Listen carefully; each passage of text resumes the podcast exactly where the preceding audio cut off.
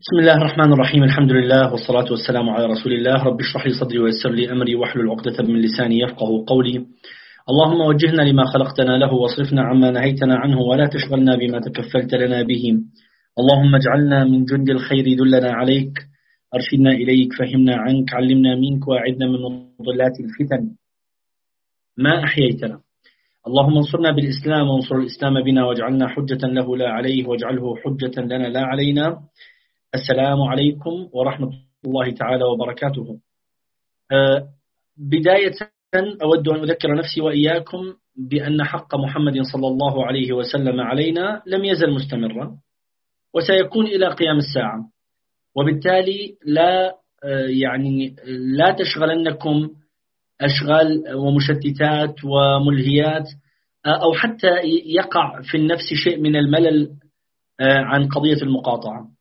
فهذا تذكير لي ولكم بأن نذكر أنفسنا وأن نذكر الآخرين وأن آه، نحض الآخرين وأن نتابع الأخبار من مصادرها وأن لا ننقل أخبارا آه، انفعالية آه، عاطفية بلا عقل أو بدون التحقق من مصادرها. فهذا تذكير فقط يعني أولي. المرة الماضية تكلمنا عن أولا لماذا الاستبصار والتبصر؟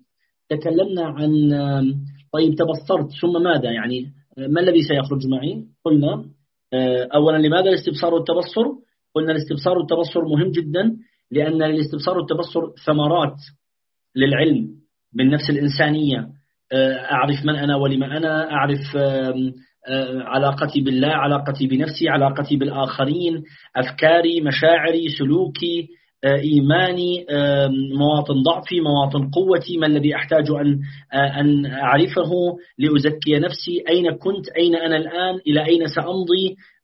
مقدار التقييم والتقويم التشخيص كل هذا التعامل مع الآخرين كله يعني من ثمرات الاستبصار والتبصر.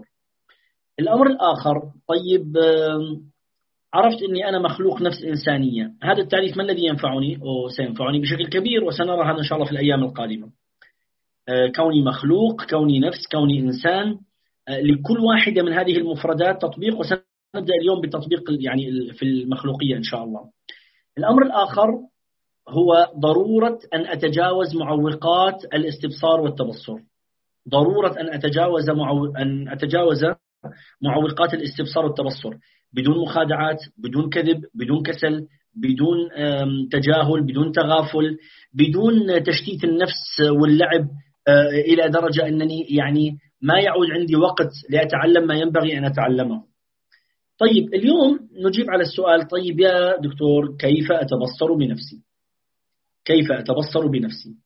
يعني ما الذي يمكن أن أعمله حتى أتبصر بنفسي بطريقة صحيحة. طيب قولوا بسم الله الرحمن الرحيم. أولا أولا أنا مخلوق. ثم ماذا؟ طالما أنني مخلوق إذا هناك خالق. طيب من أين أتيت بهذه المعلومة؟ أتيت بهذه المعلومة من الدلائل الفطرية الغريزية العقلية البدهية الأولية اللي موجودة في داخلي. لأنني أعلم يقينا أنني لم أخلق ذاتي. إذا هناك من خلقني. قانون عقلي اسمه السببية. حتى الملاحدة يؤمنون به ولكن يحاولون أن يهربوا به إلى سبب آخر. إذا هناك مخلوق وهناك خالق. طيب طالما أن هناك مخلوق وهناك خالق إذا الخالق صفاته ليست صفات المخلوق. ثم ماذا؟ ما الذي سينفعني؟ سينفعني أن لا أقع في شبهات تشبيه الخالق بالمخلوق وأقع في قضية ترى هو يعني مثلي عندما يضحك هو مثلي عندما يسمع هو مثلي عندما يتكلم هل يشبهني؟ فلا أقع بما يسمى أنسنة الإله. أنسنة الإله. جعل الإله إنسانا. أو ما يسمى أيضا عند بعض العلماء التشبيه ثم التعطيل. التشبيه ثم التعطيل يعني يعني أن أن أشبه الله بخلق بمخلوقاته فعندما أرى أنه لا يمكنني أن أستوعب هذا الشبه فأعطل الصفات. أقول لا يتكلم. ليست له ليست لدي له يد. آه، لا يستوي على العرش. لا كلام. فأقع في بعض المشكلات اللي بدأت من أنني فكرت بالله بطريقة تشبه المخلوق. وهذا وقع فيه هندوسية وقع فيه اليهود وقع فيه آه، بعض وثنيي اليوم اليونان. وصولا إلى بعض المغالين عندنا ممن وقعوا في هذا حتى من الأمة الإسلامية. حتى من الأمة الإسلامية. إذا مرة أخرى مرة أخرى أول شيء أنا مخلوق إذا هناك خالق. الخالق ليس المخلوق. المخلوق له صفات والخالق له صفات. قد تشترك الصفات بالأسماء. ولكن آه، الله ليس مثلي ليس كمثله شيء. وهو السميع البصير. إذا هو سميع بصير لكن ليس كمثله شيء. هذه المسألة الأولى. طيب ثم ماذا؟ كوني مخلوق كوني مخلوق إذا أنا كإنسان لدي صفات من طبيعة المخلوقية من طبيعة كوني مخلوق. مثل إيش مثلا؟ أنا من طبيعة أنني مخلوق أحتاج ضعيف فقير ناقص وبالتالي لكل واحدة من هذه الصفات متعلقات. إيش يعني؟ أنا مخلوق فأنا أحتاج. أنا مخلوق فأنا أحتاج. وطالما أنني سأحتاج طالما أنني سأحتاج سيلي هذه الحاجة أشياء كثيرة. سيلي هذه الحاجة أشياء كثيرة. سيلي هذه الحاجة أنني آه، أتألم آه، أنني محدود. أنا محتاج إذا أنا محدود. إذا أنا لست حرا مطلقا. أنا مقيد. مقيد بالجوع بالعطش بالألم مقيد بالأب والأم مقيد بالزمان الذي خلقت فيه مقيد بالظرف اللي حولي مقيد بأشياء كثيرة. وبالتالي فكرة أن أكون طيرا بلا قوانين تحدني هذا كلام فاضي حتى الطير له قوانين. إذا كوني مخلوق يذكرني بأنني لست خالقا فإذا لم أدرك لم أدرك هذا وقعت في أنسنة الإله من ناحية وتشبيه الله بالإنسان ثم تعطيل صفاته جل في علاه.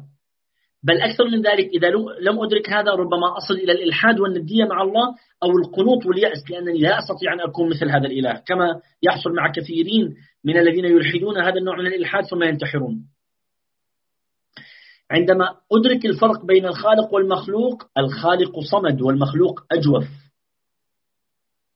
أجوف أنا أجوف في فراغ فيحتاج إلى أن يملأ ونفسي إن لم أشغلها بالحق شغلتني بالباطل. إذا كوني مخلوق عندي حاجات هذه الحاجات ينبغي أن تلبى. هذه الحاجات ينبغي أن تلبى. كوني مخلوق يتبع كوني مخلوق تلقائيا أنني محتاج ضعيف فقير ناقص. ركزوا معي على الجملة التي سأقولها الآن لأن هذه الجمل هذه الجمل ستستمر معنا فترة طويلة. يعني كل ما سأقوله الآن ينطبق على الحاجة الضعف الفقر النقص. ما هي هذه الجمل؟ أولا الحاجة ملازمة للمخلوقية. يعني إيش؟ كوني مخلوق إذا أنا أحتاج يعني كوني أحتاج هذه ليست مذمة ولا ذنب ولا منقصة. وكوني ضعيف ليست مذمة ولا ذنب ولا منقصة. وكوني ناقص ليست مذمة ولا ذنب ولا منقصة. وكوني فقير ليست مذمة ولا ذنب ولا منقصة. هذا أولا. ثانيا الحاجة صورها كثيرة جسدية وروحية. هنالك حاجات مادية جسدية وهنالك حاجات معنوية آه، روحية. والضعف جسدي وروحي والفقر جسدي وروحي والنقص جسدي وروحي. طيب. الحاجة نعمة لأنها تذكرني بما قد أنساه من عبوديتي وحاجتي لله. فعندما تظهر الحاجة هي في ذاتها نعمة. والضعف نعمة والفقر نعمة والنقص نعمة. الحاجة مدعاة ودافع للحركة والسعي والفضول والتنافس والمدافعة في الحياة والضعف كذلك والفقر كذلك والنقص كذلك. الحاجة عندما عندما أتذكرها تقيني من وهم الكمال بأنني أكون الإنسان الخارق الذي لا يحتاج إلى شيء. والضعف كذلك والفقر كذلك والنقص كذلك. الحاجة تذكرني بأن هنالك ما سخره الله ليلبي لي هذه الحاجات. فالله سخر لي آه، الآفاق من حولي الزمان المكان سخر لي الشمس القمر الليل النهار سخر لي الدواب سخر لي الأنعام سخر لي بل سخرنا لبعضنا. أنا الآن مسخر لكم وأنتم مسخرون لي. فعندما فعندما ندرك هذه الحقيقة لا نقع في فخ إنه لا أنا يعني أنا لا أريد أن أحتاج إلى أحد. نوع من الكبر الخفي. لا. فالحاجة عندما أتذكرها كمخلوق كمخلوقة يقيني من وهم الكمال يقيني من الكبر الخفي يقيني من اليأس من القنوط يقيني من جلد الذات. هذا كله إذا أدركت أنني مخلوق محتاج ضعيف فقير ناقص. مخلوق محتاج ضعيف فقير ناقص. هذا الكلام سيتبعه تطبيقات كثيرة إن شاء الله في المرات القادمة. ولكن باختصار ما أريد أن أترككم معه اليوم هو أن تتذكروا ما معنى أنني مخلوق أو مخلوقة. إذا أنا أحتاج ضعيف فقير ناقص. أحتاج ضعيفة فقيرة ناقصة ويترتب على هذا أن لا أجلد ذاتي أن أسلم بضعفي أن أسلم بفقري أن أسلم بمحدوديتي أن أسلم بعبوديتي. أنا لست حرا مطلقا أنا عبد أنا أما أنا لست آه، منطلقا بل أنا محدود. هذا الكلام يهون علينا أشياء كثيرة. يبقى المرة القادمة إن شاء الله مش هناك أشياء كثيرة قادمة في المخلوقية ولكن المرة القادمة سنقف مع مسألة مهمة. طيب, طيب أنا أدركت أنني محتاج وأدركت أنني مخلوق وأدركت أنني كل ما ذكرته اليوم. ما الفائدة من ذلك؟ المرة القادمة سنتكلم عن مسألة مهمة جدا وهي رفع سقف المعقولات وخفض سقف التوقعات. رفع سقف المعقولات وخفض سقف التوقعات إن شاء الله. نتوقف هنا ثم نبدأ بتلقي الأسئلة إذا يسر الله سبحانه وتعالى.